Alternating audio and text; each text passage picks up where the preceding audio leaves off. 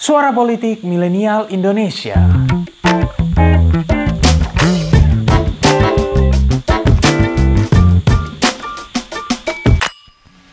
bahwa sesungguhnya kemerdekaan itu ialah hak segala bangsa dan oleh sebab itu 17 Agustus 1945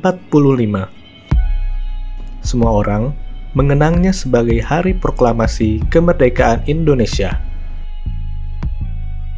Di balik hari bersejarah tersebut, ada satu sosok proklamator masyur yang punya peranan penting bagi peristiwa itu dan sejarah Indonesia secara keseluruhan. Dia adalah Muhammad Hatta. Jujur, lugu, dan bijaksana. Itulah kata-kata yang digunakan oleh Iwan Fals untuk menggambarkan sosoknya. Di luar itu, sebenarnya ada banyak kiprah Hatta yang menorehkan tinta emas dalam sejarah tanah air. Lalu, bagaimana jejak sang proklamator tersebut?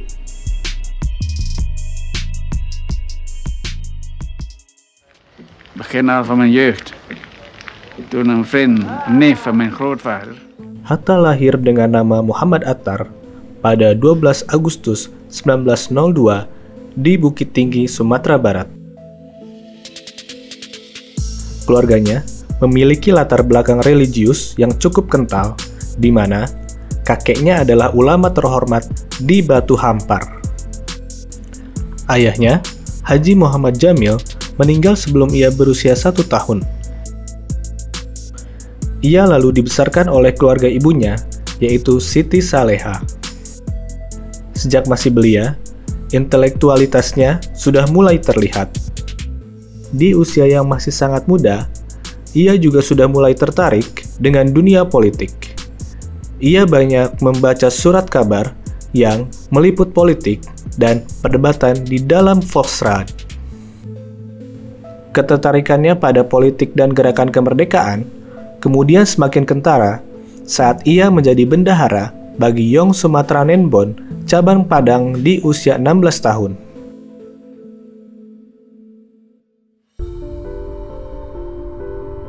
Pada tahun 1922, Hatta pergi ke Belanda untuk mengambil studi di Hogeschool atau Sekolah Tinggi Bisnis Belanda. Ia mendapatkan gelar doktorandus pada tahun 1932. Selama di Belanda, Hatta muncul sebagai tokoh penting dalam organisasi nasionalis yaitu Perhimpunan Indonesia, di mana ia menjadi bendahara pada tahun 1922 dan ketua pada tahun 1930. Aktivitas Hatta melalui organisasi tersebut dan jurnal Indonesia Merdeka membuatnya mulai diperhatikan oleh Belanda.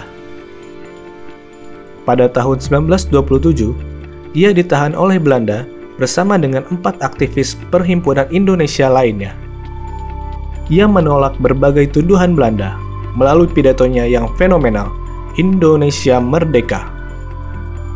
Saat Hatta kembali ke Indonesia pada Juli 1932, ia menjadi salah satu tokoh nasionalis paling berpengaruh di dalam negeri. Bersama Sultan Syahrir, ia menggerakkan pendidikan nasional Indonesia atau kerap dikenal sebagai PNI baru. Sayangnya, sikap Belanda di Indonesia ternyata lebih keras ketimbang di negara asalnya.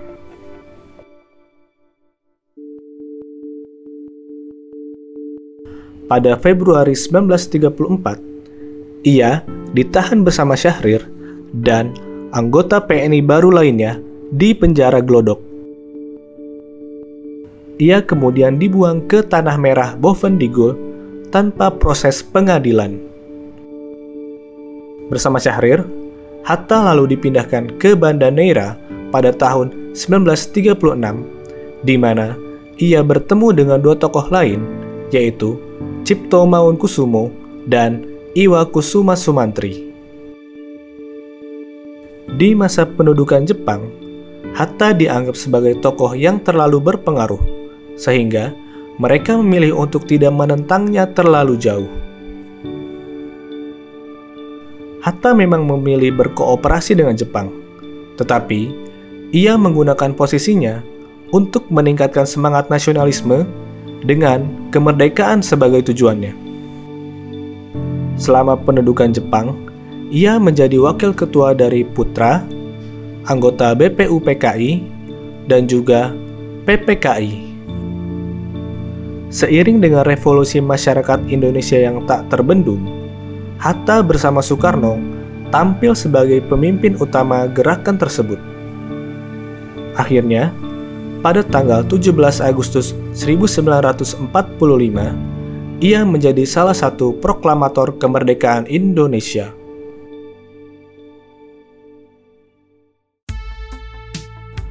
Hatta berbagi otoritas dengan Soekarno, di mana ia menjadi wakil presiden pertama Indonesia. Selama lima tahun pertama, mereka saling membagi tugas dan bekerja secara harmonis untuk negara yang masih sangat muda. Herbert Faith menggambarkan Hatta sebagai sosok administrator, intelijen, terlatih dalam ekonomi, dan analisis sosial serta manuver organisasi. Hal itu dapat melengkapi Soekarno yang lebih bertipe karismatik dan solidarity maker. Tak hanya menjadi wapres, Hatta juga pernah beberapa kali menjadi Perdana Menteri bagi Indonesia.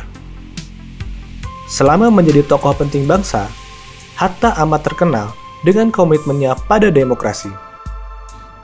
Ia misalnya mengeluarkan maklumat X yang dianggap sebagai tonggak awal demokrasi dan legitimasi bagi partai politik di Indonesia.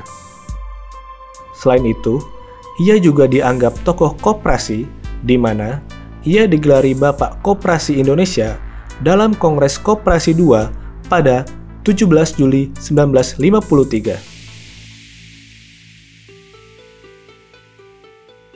Kerjasama dengan Soekarno ternyata harus menemui akhir di tahun 1956 ketika Hatta mengundurkan diri dari kursi wakil presiden. Sejak tak menjadi wapres, perannya di muka publik sudah semakin minimal. Hatta akhirnya menghembuskan napas terakhirnya pada tahun 1980 dengan berbagai warisan pentingnya untuk bangsa ini. Perlu diakui, jika Hatta telah menorehkan banyak tinta emas bagi bangsa ini.